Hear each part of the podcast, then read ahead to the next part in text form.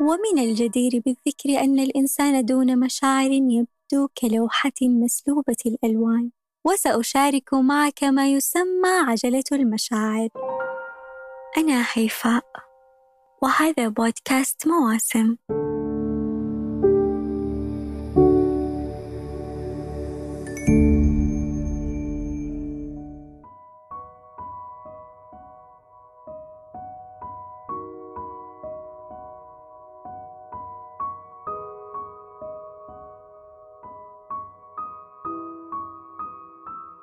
يشعر الشخص في اليوم الواحد بعدد كبير من المشاعر فلا تكاد تمر دقيقة دون أن نشعر بشيء.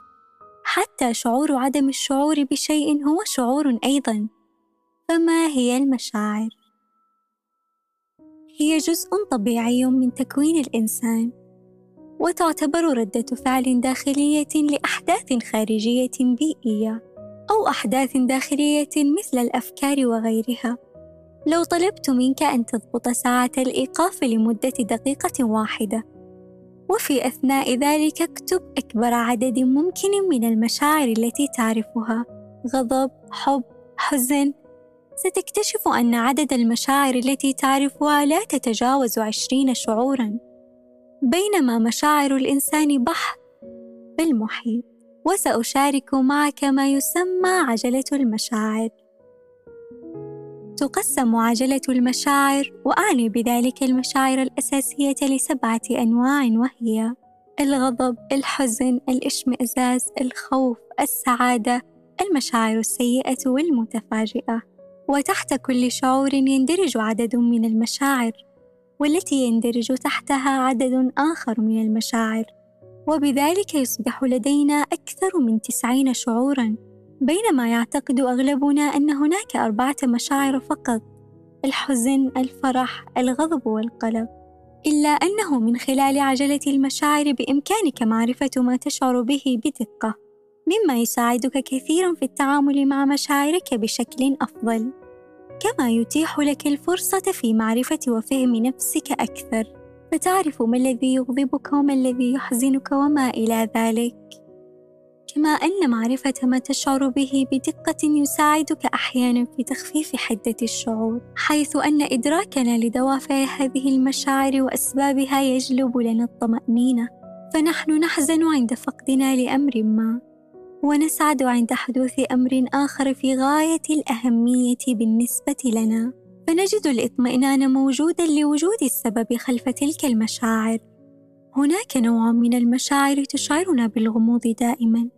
لا نجد تفسيرا لتواجدها داخلنا وسبب لظهورها الآن. وهذا يدفعنا لمعرفة مناطق مجهولة داخل ذواتنا من خلال طرح العديد من التساؤلات حول تلك المشاعر. وما أن نهدأ من رحلة البحث المستمرة وننصت سنستشعر صوتا خفيا يهمس كثيرا يطلب الالتفاف تارة والتوقف تارة أخرى ونصدم حين يغلب ذاك الصوت. فنجد أننا عالقون أمام موجة من المشاعر المتراكمة غير المفسرة التي سترغمك على التخبط أو الانهيار أمامها. فتتولاها عدة مشاعر في لحظة وستعيش محملا بها دون إجابة.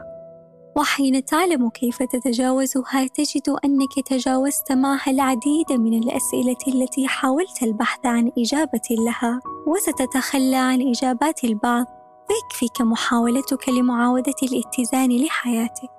ومن الجدير بالذكر أن الإنسان دون مشاعر يبدو كلوحة مسلوبة الألوان وأن المشاعر هي لب الإنسانية فلا ترفض مشاعرك. تقبل الحزن فهو دليل إنسانيتك واسمح لنفسك بالفرح فهو حق من حقوقك. واعترف بغضبك فهذا يساعد على انطفائه. حتى شعورك باللا شعور يمكن التعامل معه حين تسمح بتواجده. فجميع المشاعر على اختلاف أنواعها مؤشر صحي على أنك ما زلت على قيد الحياة.